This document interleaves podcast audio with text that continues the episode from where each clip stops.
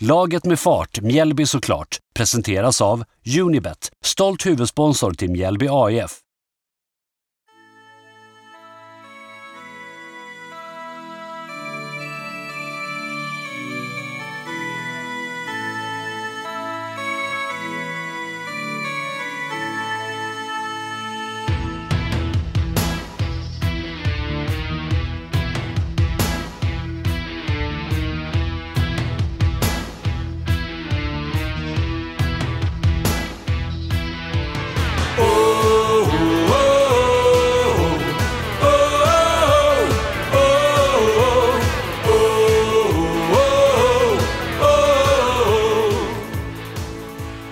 Varmt välkomna ska ni vara tillbaka till podden Laget med fart, Mjällby såklart. Mitt namn är Albert Sernevång. Jag är programledare och producent för denna podden och med mig här idag som sidekick har jag ingen mindre än Mikael Sennevång. Välkommen hit. Tack för det ja. Vi ska i dagens poddavsnitt snacka igenom den senaste omgången Allsvenskan. Det var Mjällby som spelade den andra delen av dubbelmötet mot Djurgården. Eh, Matchen som spelades då på Tele2 Arena, en tuff bortamatch mot serieledarna för denna säsongen och eh, det visade sig bli en väldigt tuff kamp under 90 minuter. Ja, Mjällby gör ju en helt fantastisk match. Jag tänker på den här humlan som egentligen inte kan flyga, men denna gången är ju humlan gulsvart och ja, Mjällby ska ju egentligen inte kunna göra en sån här fenomenal insats som man lyckas med. Men eh, man gör det ändå. Med tanke på den tabellplacering man har så Ja, det känns ju bara konstigt om man tittar i tabellen och ser eh, denna matchen eh, och alla situationer och vilken intensitet det är i hela matchens gång egentligen. Efter första 20 minuterna så undrar ju kommentatorerna om spelarna kommer få kramp snart. Eh, sån intensitet var det ju, men den höll sig ändå nästan hela matchen skulle jag vilja säga. Det var inte alls många sekvenser eh, där det var lugnt på planen. Tuffa dueller, hög intensitet, mycket löpande och jag tycker det är väldigt bra styrkebesked från alla spelare i Mjällby att man gör en riktigt bra insats och visar att det inte alls är någon stor skillnad att vara placerad etta eller plats 15 i Allsvenskan egentligen. Och insatsen med på att man gör det på konstgräs, det är egentligen inte Mjällbys starkaste underlag. Men... Eh, och Djurgårdens hemmaborg där de är som starkast också. Ja. Och ett av Allsvenskans formstarkaste lag. Visst, nu spelar man då ett dubbelmöte mot Djurgården Första matchen tappade man alla tre poängen till Djurgården. Andra matchen nu delar man på potten och får varsin. Så Djurgården går ju från dubbelmötet med fyra poäng och Mjällby bara en. Skulle man se rent logiskt så känns det ju minst som att det ska vara tre poäng till vardera lag för att det ska vara rättvist. Ja, egentligen tycker jag fyra poäng till Mjällby. Eller fem. Ja, fem. fem och en halv. Ja. Nej, men tre eller fyra poäng till Mjällby så hade ju inte varken Djurgårdsfans eller Mjällbyfans varit snopna, tror inte jag. Eller förvånade över utdelningen. Men minst eh, tre pinnar var skulle jag säga hade varit rättvist sett över 180 minuter. Och det blev ju inga mål i den här matchen utan det slutade 0-0. Ja, det är ju... Och det är med helt otroligt med alla de chanser som skapades från båda lagen. Det är nog den mest chansrika 0-0-matchen man har sett på senare år. Mjällby de hade gjort lite ändringar i startelvan. Ja, det var ju Karl Johan som var kvar i målet. Vi kan gå igenom hela startelvan lika bra. Karl Johan var kvar mellan stolparna. En backlinje, vilka hade vi där? Eh, Gracia i mitten och sen Watson till höger och Kritschak till vänster. Allt i sin ordning då. Ja. Eh, wingbacksen var det ju Joel och Kadir. Det är vi är ju bortskämda med att ha dem där ute på kanterna nu för tiden. Mm. Sen hade vi lite ändringar på mitten. Ja, det var Elias Andersson som kom in då tillsammans med Vigge och Jeppe. Mm. En spännande trio. Så Löken på bänken och det är ju ja, lite annorlunda med för att vi ser ju gärna att han är med i startelvan. Ja, han är kapten och har erfarenhet och bra kvaliteter såklart, men visst, man är inne i en tuff period. Man kan inte göra annat än att testa och snurra på det möjliga, mesta möjliga. Sen har man ju också bänkat då Bergan. Ja. Startat i 20 allsvenska matcher i rad, så att eh, det var ett tag sedan han var bänkad. Det var det verkligen. Och in kom istället då Moro. Ja, som har ställt upp Moro och Sarr. Första gången de får spela från start tillsammans och eh, det skulle visa sig vara ganska farligt offensivt hot från eh, de två. Vi kunde ju även lyssna på Torstensson inför matchen, vad han hade att säga om senaste matchen och lite vad man hade för matchplan inför den kommande matchen då. Han sa att de hade fått bra bett på Strandvallen senast, på Djurgården. Eh, och det man vill göra annorlunda i denna matchen var nu då att gå ännu mer på snabbhet offensivt. Så då kunde man inte minst se bytet Bergström och Morro. Eh, och fortsätta hitta in ännu mer bakom backlinjen i Djurgården. Så fort man hittade de ytorna så märkte man att det blev ganska farligt. Eh, just i och med att deras hela deras backlinje är ganska stabil, så låter man dem stå i rätt positioner så blir det svårt. Det gäller att hitta in bakom dem. Och sen skulle matchen dra igång. Just det. Och eh, redan i första minuten så får Djurgården en hörna. Det kommer att bli väldigt mycket hörnor i den här matchen. Eh, och eh, det är Chilufya som eh, nickar. Dessbättre utanför. Ja, det är tur det. Mjällby vänder på spelet och i tredje minuten är vi framme i ett jätteläge av Arbin Sarr. Eh, han får bollen och eh, lägger den mellan målvaktens ben. Och egentligen mot öppet mål, men eh, Hjalmar Ekdal kommer ju flygande och kastar sig och eh, lyckas rädda den precis framför mållinjen. Ja, han kommer med en glidtackling där och det är det sista, sista möjligheten för Djurgården att rädda den från ett mål. Så det är otroligt segt att inte den går in där, för det är ett jätteläge och det är jättebra gjort av Amin Sarr också som sätter riktigt hög press och skapar det läget helt på egen hand egentligen. Så det hade ju varit en smakstart om vi hade fått ett 1-0 där redan i tredje minuten. Några minuter därefter så är det Joel som är uppe och har ett skott, eh, men det räddas av Zetterström och eh, går till hörna. Och det är ju ett jättebra läge igen. Det är ju Joel som i en ganska svår situation ändå får iväg ett jättebra skott. Och det är precis att han styr ut den utanför stolpen, Zetterström. Det ja, kunde det nästan varit mål där igen. Riktigt eh, bra chanser här, två stycken innan ens tio minuter spelade. Djurgården går upp. Eh, det är Magnus Eriksson som har något bra skottläge efter tio minuter som dock eh, går utanför. Ja, han försöker curla in den där i bortre stolpen, men eh, den smiter väl lite för långt utanför för att Karl-Johan ens ska behöva anstränga sig på den. Sen är det ju en kvart i matchen här tycker och det är väl tufft spel egentligen, stora delar av matchen egentligen, men här är ju extremt tufft spel och det är kamp. Det är verkligen hårda närkamp och det har ju någon situation där med Harris och Kritschak. Båda blir liggande på planen. Precis, de nickar ihop där på något sätt. Eh, och det är väl domaren som anser att Harris går in hårdast i den situationen, eller att han är minst sannolik att nå bollen först. Eh, så det blir ju en jäkla smäll mellan de två. Harris får ju gå ut och plåstras om något ordentligt. Kom in i någon typ eh, specialmössa.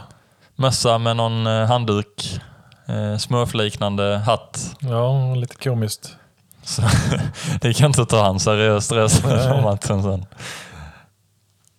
Men eh, ja, trots att han låg på flera minuter på planen där så, så blev han ändå varnad Harris. Så att, eh, Ja, det var ett väldigt tufft spel här. Eh, det var däremot inte så många avblåsningar ändå, tycker jag. Domaren lät ju ändå spelet eh, fortgå eh, på en ganska hög nivå. Ibland kan man ju se i matcher att domaren blåser för precis allt. Men då tycker jag nästan att det är bättre i ett sånt här läge att låta spelet gå på. För det var ändå... Alltså, de sa ju det, kommentatorerna med, att det kändes nästan som ett Stockholmsderby där inne på arenan.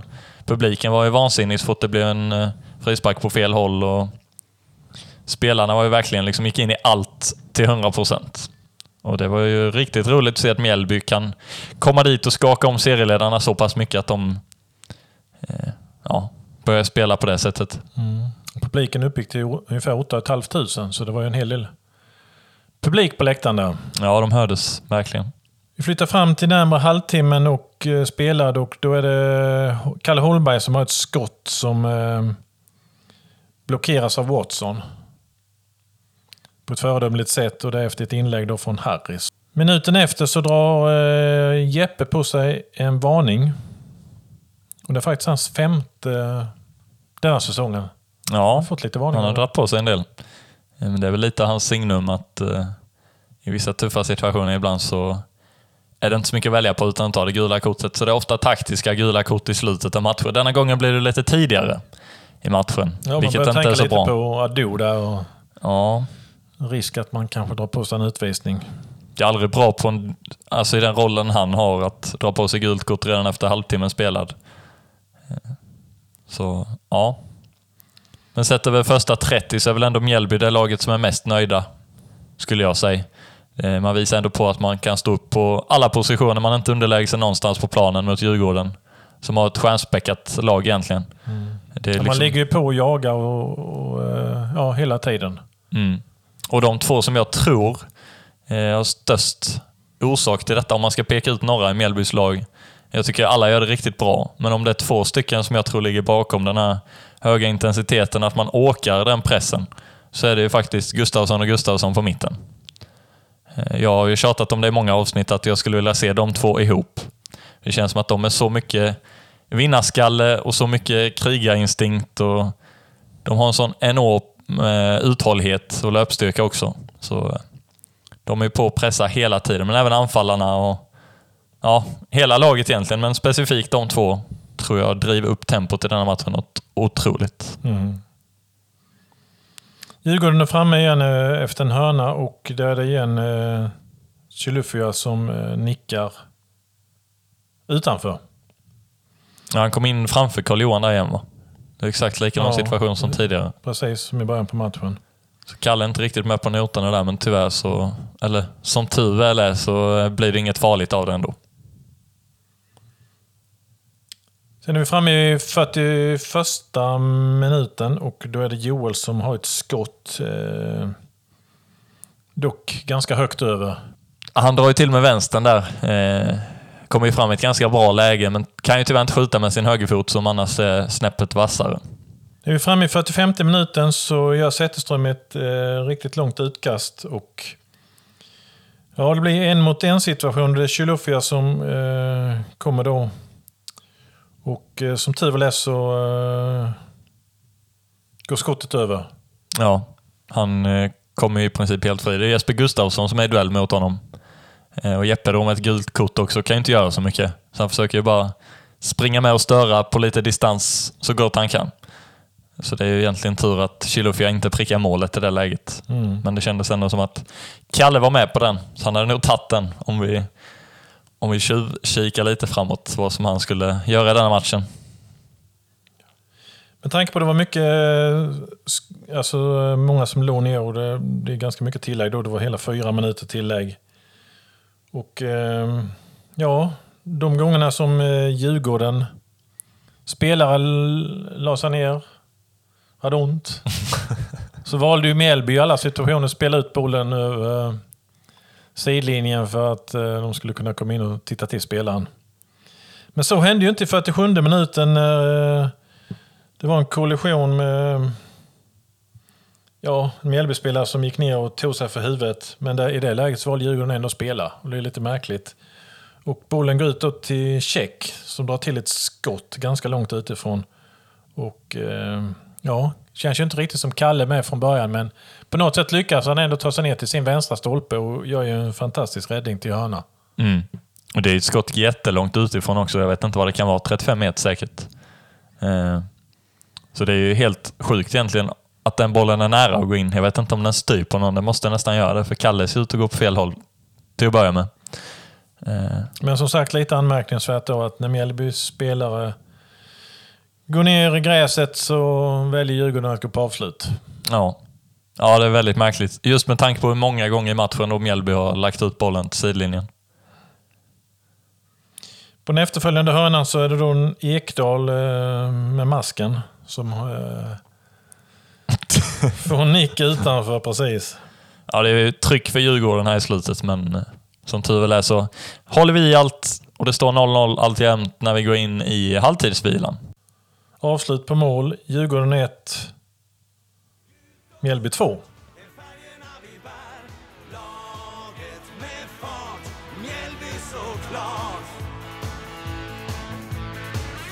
Det är fart och fläkt när grabbarna kommer igång. De gör publiken glad och de sjunger på sin sång. Vi tappar aldrig taget, vi kämpar på.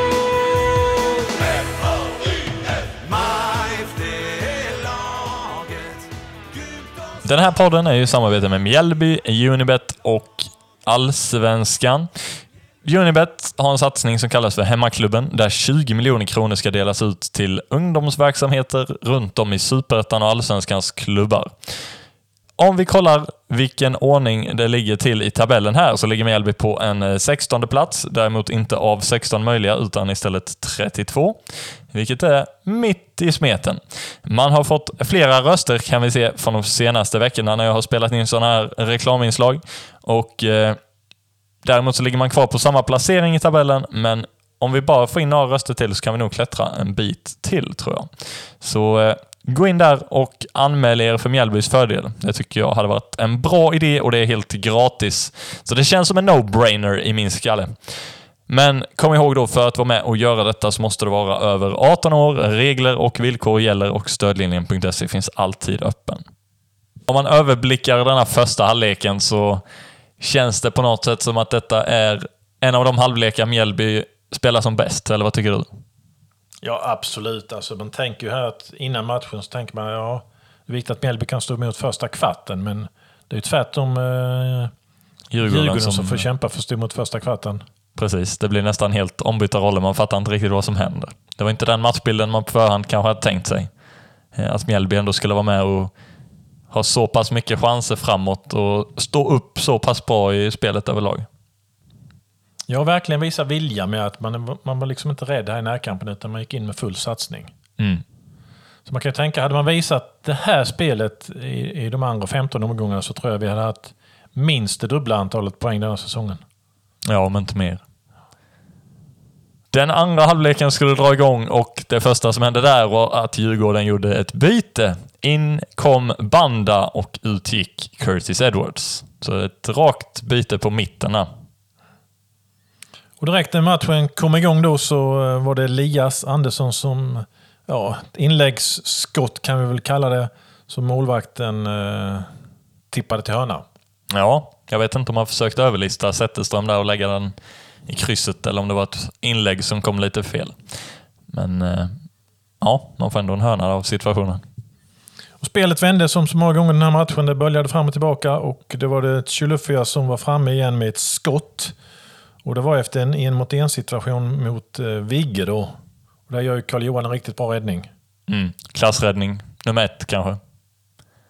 Vi kommer ju återkomma till de där klassräddningarna eh, och räkna upp. Det finns ju några till att snacka om lite senare i matchen. Så Mjällby gick ju väldigt högt och stod många gånger med en spelare kvar själv. Och det var lite chansartat att, att det blir lite farliga kontringar här en mot en då. Mm. Ja, det var väl lite det man, man valde väl att överväga det på något sätt, att det var mer värt att satsa det framåt i den här matchen. Hörnorna kom efterhand och det var mest Djurgården som hade dem. Eh, Det var Hjalmar Ekdal som nickade och det var det räddning igen av Karl-Johan. Och det var efter ett inlägg då av Banda. Ja, det var en bra räddning där med. Det är väl klassräddning nummer två kanske vi ska säga där då. Eh, och de har ju hörna på hörna här känns det som Djurgården. Timmen spelad så är det Kritschak som drar på sig en varning. Och det betyder att han är avstängd nästa match. Inte bra. Nej, Vem, eh, vem tar hans plats där? jag har funderat på det. Tänk om vi ska ta in William Ville Leandersson. Tänker testa han om man kan ställa upp en match. Men vi får se om Ville lyssnar på detta avsnittet så eh, kanske han kan kontakta oss så får vi lösa det om han kan spela nästa match. Mm, det hade varit bra. Vad har vi annars för alternativ på bänken? Det är Tokic som var med på bänken nu i denna matchen och eh, Wörths. Ja, Klinkenberg har ju lämnat. Ja, Han bröt ju sitt kontrakt för någon vecka sedan. Så det är visst. väl Wörth som är närmast då kanske. Eller vad tror du? Ja, det kan det ju vara. Det höga tempot håller ju i sig i matchen här fortfarande. Eh, Det svänger ju fram och tillbaka. Först är det Mjällby som har farligt anfall, sen blir det kontring Djurgården, men då bryter Mjällby och så blir det kontring Mjällby. Det känns nästan som att hela matchen håller på så fram och tillbaka. Domaren är ju helt slut ibland, ser man på eh, avblåsningarna när han äntligen får stå stilla. Ja, han gick ju Eh, i att han pustar med. ut. Ramlade en gång med. Ja, han lyckades med halka på det välvattnade konstgräset. Mm. Eh, Vi är framme vid Mjällbys första byte och då är det att eh, Mår går ut och man tar in Bergan. Och det är 67 minuten. Mm. Moro har ju löpt en hel del under denna matchen, så han var trött såklart. Och det känns ändå ganska rätt att få in en Bergström i denna delen av matchen. Ja, Mjällby fram och skapar en situation och det är bollen kom in i straffområdet och då styr den på eh, Findell i Djurgården. Och ja, det håller nästan på att bli självmål men målvakten räddar ju den. Ja, han eh, knär väl den tillbaka mot eget mål i princip. Eh, målvakten är med på noterna där. Var det efter ett långt inkast av Watson, har för mig. Var det nog ja. Corona! Åh, Nice! shit. Din- Reklambreak. Din tur denna gången. Ja, det Jag har smittat dig förra Vi gången. sitter och nyser fram och tillbaka. Djurgården gör sitt andra byte i matchen. Man tar ut Kalle Holmberg och sätter in Azorro. Mm. En eh, spännande spelare, Joel Asoro. Eh, som har varit ute i Europa och spelat som han nu har plockat in detta året. Så det är verkligen en spelare att se upp med. Grazia gör ju en jätteviktig brytning där eh, Djurgården är i ett anfall. Ja, där när han kastar sig och täcker. Ja, Annars hade den gått rätt igenom. ja det hade han gjort. Det hade varit mål. Kanske. Det hade kanske varit mål där ja. Mm, nej, det är en riktigt bra brytning han gör. Sen får vi ett dubbelbyte, eh, 72 minuten.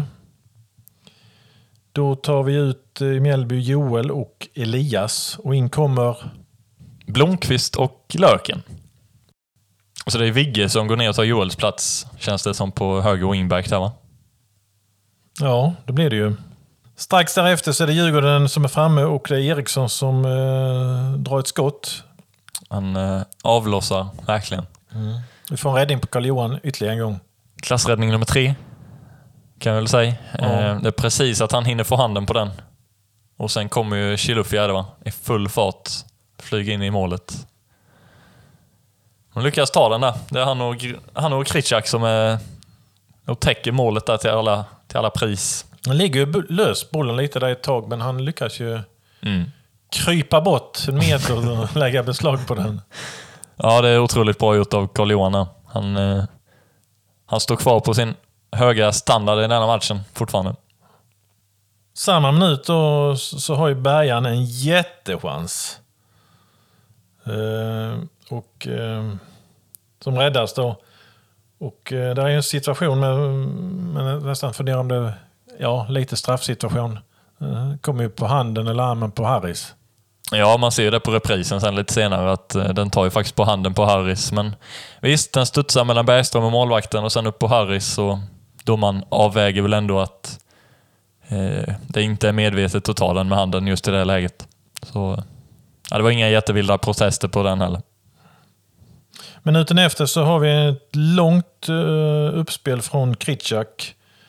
Ända nere från Mjällbys eh, straffområde. Och den går mot Sar som är då eh, ensam mot två stycken Djurgårdsbackar. Och, eh, ja, det är en bra, bra läge men eh, skottet blockeras av Ekdal tyvärr. Återigen så är det Hjalmar som står i vägen. Eh, Och Amin Sarr som inte riktigt får till den där sista, sista finishen. Annars är han ju riktigt bra i denna matchen tycker jag. Flyttar fram till matchminut 84. Och det blir en situation här som blir väldigt omdiskuterad även efter matchen. Ja, både under matchen men även efter matchen såklart på alla möjliga sociala medier. Eh, det är Löken som slår fram en klockren passning till Bergström. Bergström som hinner ta sig in bakom Une Larsson och egentligen är frispelad. Han är ju friläge med målvakten. Mm. Eh, och då rivs han ju ner i straffområdet av Une Larsson. Som först håller om honom. Sen ser man ju på reprisbilden att han håller på att dra av byxorna och sen håller han ner honom i fötterna. Ja, så, är ska ta ju- både byxorna och skorna för han. Och det är ingen i vägen för huvuddomaren. Det är inte heller någon i vägen för linjedomaren. Nej, Domaren står ju väldigt nära. Det är bara några meter ifrån. Ja, Och han kan ju inte missa den situationen. Och det blir inte ens frispark. Det slutar istället med att Löken får en varning för protest. Och jag tror även Torsten som fick en varning med för Mm, det fick han. protest. Och alltså det är helt ju... galet här att inte domaren blåser straff. Alltså, då kan man, ju, man ska inte klaga på domarinsatsen men även domare borde ju få rött kort och bli avstängda alltså ett antal matcher. För att denna situationen kan man ju helt enkelt inte missa. Retroaktiv avstängning på hela domarkåren kanske? Ja. Nej, det, det, jag kan säga till 100 procent hade det varit en Djurgårdsspelare där i det läget så hade de garanterat fått straff. Men det känns som Nej, Mjällby blev snuvade på den här straffen och eh, om man nu hade bedömt att det var utanför straffområdet, för det var ju precis egentligen eh, kring linjen, så eh, skulle man ju i alla fall åtminstone haft en frispark. Mm. Nej, han friar ju den helt, menar Ja, på att ja. Bergström slänger sig. Vilket han inte gör. Eh, och det är ju största tidningsrubrikerna här i lilla Blekinge också att Torstensson tycker att det är skandal. Vi tävlar inte på lika villkor, säger han. Eh, Djurgården och Mjällby då. Och jag håller med. 10 av 10 gånger hade han blåst straff till Djurgården om det hade hänt på andra planhalvan. Utan tvekan. Och då har Mjällby ändå haft en liten straffsituation eh, strax innan, så man tänker... Han friade också då med den här... Harrys Halmstad, ja. Ja, Precis. Och det visade sig sen då dagen efter här att eh, någon har varit i kontakt med Jakob Bergström. Och han har ju berättat vad domaren kom fram och sa till honom efter matchen. Han hade kommit fram, bett om ursäkt att han inte vågade blåsa, men han hade insett sitt misstag och sagt förlåt. Eh, vilket är otroligt märkligt. Det blir ju nästan ännu värre när han gör det. Alltså, direkt efter matchen går fram och ber om ursäkt och vet om att han egentligen borde blåst ja för då har jag inte ens hunnit titta på en repris själv. Nej, och då kan det ju bara vara så att han egentligen ville blåsa men att han inte vågade. Ja, Och kommentatorerna säger ju det med. Det kan ligga i publiktrycket på läktaren för det var otroligt hett inne på arenan. Men det ska ju inte få hända. nej. Alltså, linjedomaren kan inte vara rädd för att vifta med sin flagga. Eh, visst, det hade nog varit väldigt irriterat på läktarna om han hade gjort det. Om man tänker liksom Men är- men är riskanalys. straff men är han domare så ska han göra det. Det är hans jobb. Annars kan han inte få döma matcher i Allsvenskan. Och är det straff så ska han ju döma straff. Mm.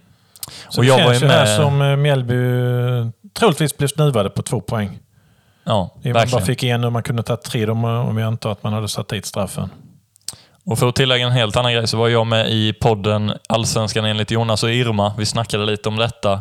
Eh, och Jonas hade väl märkt då, i och med att han var på plats där, att diskussionen var kring att domaren gett fördel fram och tillbaka till lagen för att kompensera för tidigare misstag gällande feldomslut.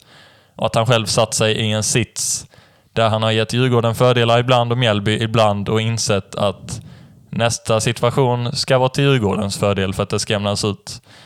Eh, men det kan ju inte gälla när det är en eh, matchavgörande straffsituation. Nej, absolut inte. Så det är ju eh, nonsens, skulle jag säga. Man kan ju se andra situationer också faktiskt i matchen när man tycker att eh, även Djurgårdsspelare borde fått varningar. Där, där man bara väljer att släppa dem helt enkelt. Och det är ju hur, hur tokigt som helst i vissa sit- situationer. Ja, nej, under all kritik. Vi, eh, vi kan släppa domaren där. Han, eh, han förtjänar inte mer poddtid. Vi går vidare i matchen. Vad hände där efter nu då? Det var ju upprört, varningar till Mjällby istället för straff framåt. Men man kör väl ändå på här tycker jag i slutet Mjällby. Ja. Men i 85 minuten så är det då Banda och han har ju skapat väldigt mycket oreda i andra halvlek när han kom in. Och eh, ja, där eh, ropar väl alla på läktaren att, att det är mål till Djurgården. Men Karl-Johan gör ju en helt fantomräddning. Att Banda får ju skottläge precis framför, alltså det är bara ett par meter framför Karl-Johan ju. Men på något sätt kommer han upp igen och, och eh, får ju den på axeln. Ja, nej, det är ju, kommentatorerna är ju helt galna. Eh, Och folket på läktaren ropar ju efter mål. Och vi är ju helt galna här hemma i tv-soffan också. Att han liksom... Ja, det är helt osannolikt att han tar den. Han kommer med i omgångens 11, bland annat. Eh, Så det var väl klassräddning nummer fyra, om jag inte tappat räkningen. Ja. Sen därefter får vi ett byte. Då är det Sar som går ut och Noah Persson kommer in. Eh, Djurgården väljer också att göra ett byte. Strax därefter tar man ut Bärkroth och sätter in eh, Ademi. Mm. Eh, framme i matchminut 90 då är det Noah som lägger fram en passning till Bergan. Men tyvärr går den eh, utanför. Ja, jag tycker Noah gör ett ganska piggt inhopp ändå gå in i anfallet denna gången, en position vi inte har sett honom spela på innan. En fun fact gällande avslutningen på matchen var då att eh, mittfältet Gustavsson, Löken, Gustavsson och Blomqvist, alla de från Blekinge och även de två anfallarna Noah Persson och Bergström från Blekinge avslutade denna matchen. Så det är ju majoriteten av laget som är Blekinge-fostrade spelare, vilket är otroligt roligt. Eh, att man att man har lyckats få ihop ett så pass lokalt lag trots allt på denna nivån. Mm, kul. Eh, fyra minuters tillägg även på andra halvlek och eh, matchen tickar mot sitt slut. Eh, Mjällby har ett frisparksläge eh, ute på vänsterkanten. Det är Löken som står vid bollen. Han tittar upp mot eh, storbildsskärmen för att kolla tiden. Ser man ju, det känns nästan som handboll, att man liksom ska Vänta in sista sekunderna. vänta innan man blir av, avblåst för passivt spel. Men eh, ja, han lyfter ju in det, eh, frisparken och är Kritschak som är framme och får till ett skott. Ja. Tyvärr utanför målvaktens vänstra stolpe. Det hade varit otroligt fint om den hade suttit. Ja, Men tyvärr gör den ju inte det. Och kort därefter så blåser domaren av matchen. Ja Delad pott 0-0. Kanske den mest underhållande 0-0-matchen man någonsin har sett, eller vad tror du? kan vara så ja. Eh, chanser på mål. Totalt eh, Djurgården 5, Mjällby 3. I och med den här poängen då så har Mjällby nu samlat ihop 12 poäng efter 16 spelade matcher. Man ligger kvar på den 15 platsen. Och har då 5 poäng upp till Sirius som ligger på säker mark. Ja, Örebro däremellan. Eh, Men det är ju säker mark man vill åt och spelar man så här så ska det inte kunna vara några problem eh, denna hösten. Man gör ju... Nej, men gapet är ju stort så att det gäller, vi måste ju täppa till det så snabbt vi kan. Ja, två poäng till här idag hade varit eh, otroligt viktigt. Eh, och den straffsituationen där med domaren kan ju bli förödande om man blickar långt framåt. Men det får vi hoppas att det inte blir i de marginalerna. Nu väntar ju Degerfors borta på lördag och sen är det ett uppehåll och sen har vi AIK hemma. Så visst, det är tuffa matcher hela tiden. Mm. Ja, det gäller ju bara att ta en match i taget och precis som här nu i denna matchen att man verkligen går in till 110 procent på alla positioner och gör liksom allt i sin makt för att ta med sig alla poängen. Anders Torstensson kom ju snabbt till kommentatorerna efter matchen på en intervju. Han var inte nöjd med en poäng. Han tyckte att Mjällby var det bättre laget på plan, att den solklara straffen borde gått till Bergström och eh, att då publiktrycket avgör egentligen vad den eh, situationen slutar i. Där. Att det inte blir någon straff. Man eh, säger även att det är ett väldigt stort fall framåt såklart, i och med att man gör en sån här pass bra match och står upp väldigt bra mot ett Djurgården då man anser att man är det bättre laget till och med. Karl-Johan intervjuas ju också efter matchen. Han säger att eh, det enda som fattas nu är att det gäller att vi börjar ta tre poäng och bygger vidare därifrån. Men känslan är ändå att nu börjar man komma in med bra energi i matcherna och jag tror det kan ligga något i tränarbytet där med kanske. För det var inte alls denna intensiteten om man blickar tillbaka några omgångar, utan man har fått en helt annan tro på det man gör nu känns det som i truppen. Skönt att hålla nollan med det ett tag sedan sist. Ja, verkligen. Och på tal om att hålla nollan och klassräddningar kan vi enas om att matchens lirare var Carl-Johan Eriksson. Absolut. finns ingen annan kandidat Nej. som utmanar honom där. Eh, vi hade ju faktiskt en ganska bra gissning med... Både du och jag gissade ju 0-0 i förpodden. Ja, jag ändrade väl mig dock till slut och gissade 0-1 för Jaså. att vara optimistisk och tro på tre poäng. Okej. Men min gissning från början var ju 0-0, precis som dina. Jag instämde i det. Så någon gång gissade även vi rätt. Precis, och det var väl eh, inte helt oväntat resultat om man tänker hur denna matchen borde varit på förhand. Men vi trodde inte det skulle vara sån, sån intensiv match som skulle sluta 0-0 kanske. Denna podcasten görs ju i samarbete med Unibet, Allsvenskan och Mjällby. Och om vi går in på unibet.se allsvenskan så hittar vi alla spel som har med just Allsvenskan att göra. Kollar vi då framåt mot nästa match där det är Degerfors på bortaplan som väntar oss. Då har vi oddset att Degerfors vinner 2,5, kryss 3,55 och att Mjällby vinner bortaseger då alltså 2,8. Så eh, jämna odds på förhand. Jag tror det kommer bli en spännande match, men Mjällby kommer dra det längsta strået. Kom ihåg, för att vara med och delta så måste du vara över 18 år. Regler och villkor gäller och stödlinjen.se finns alltid öppen. Ett upplägg vi brukar ha här i podden i avslutningen av avsnittet är ju att eh, gå igenom spelare för spelare i laget och se vilka vi tycker är de bästa matcherna. Eh, eventuellt då vad vissa spelare kanske borde göra bättre till nästa gång. Men idag tycker vi att alla gör det så pass bra så vi, vi skippar det segmentet och säger att alla får väldigt högt godkänt betyg.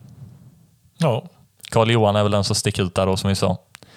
Eh, Men alla gör ju det riktigt bra och det är styrkebesked, verkligen, man tar med sig från den här matchen. Fall framåt. Ja, jag hoppas ju verkligen att de kan fortsätta på denna vägen nu nästa match och eh, kan vara lika intensiva, lika hög press, lika Mm. mycket vilja. Ändå man då möter ett Degerfors borta. Det är inte 8500 på läktaren som gör en mäktig inramning. Det är en lite mindre arena. Men att man ändå lyckas tagga till på samma sätt och gå ut på, med samma energi och vill spela samma sorts fotboll som jag gjorde här mot Djurgården. För då tror jag man tar med sig tre poäng. Men man får ju se upp med Degerfors för att eh, de är ju ett riktigt bra hemmalag så de tar ju de flesta poängen på sin hemmaarena. Ja. Startelvan tror vi får se exakt samma där. Det är väl bara Kritschak som eventuellt då, eh, eller ja, som säkert inte är med. Ja, om alla har hunnit återhämta sig. Nu spelade vi ju här som i, i går måndag då och spelar redan på lördag igen. Så att, men det ska väl inte vara några problem att... Så det är inga känningar. Men jag vet inte, Sarr eh, såg lite ut som han haltade lite när han gick ut. Ja, faktiskt. Jag vet inte om det var trötthet som gjorde det eller om det var något eh, allvarligare. Men man har inte hört någonting om det nu så jag tror det var eh, alla de enorma löpningarna han gjorde i matchen som satte sina spår där att eh, det gick inte mer till slut. Men han är nog pigg och frisk tror jag till nästa match. Om vi ska våga oss på en gissning på resultatet i den matchen då. Ska vi hålla i vår trend nu och gissa två rätt i rad? Ja, vi gör ett försök. Eh, 1-2. Mjällbyvinst. Jag tänkte säga 1-3. Eh, Edvardsen tror jag gör mål, men eh, lite islossning För, för, för. Degerfors? Ja. Ja. Islossning för Mjällby och få dit tre kassar. Det, det är dags nu tycker jag. ja, vi måste ju tro på detta att, eh, och vi måste ha tre poängarna. Det är oerhört viktigt att vi tar dem. Ja, det är dags på lördag 15.00. Då är det matchstart och vi kommer såklart sitta framför TVn och vara otroligt laddade inför den matchen. Jag hoppas att ni är det också. Men annars var det allt för idag. Tack så mycket för att ni har lyssnat och vi hörs i nästa poddavsnitt. Ha det gött! Hej. Hej.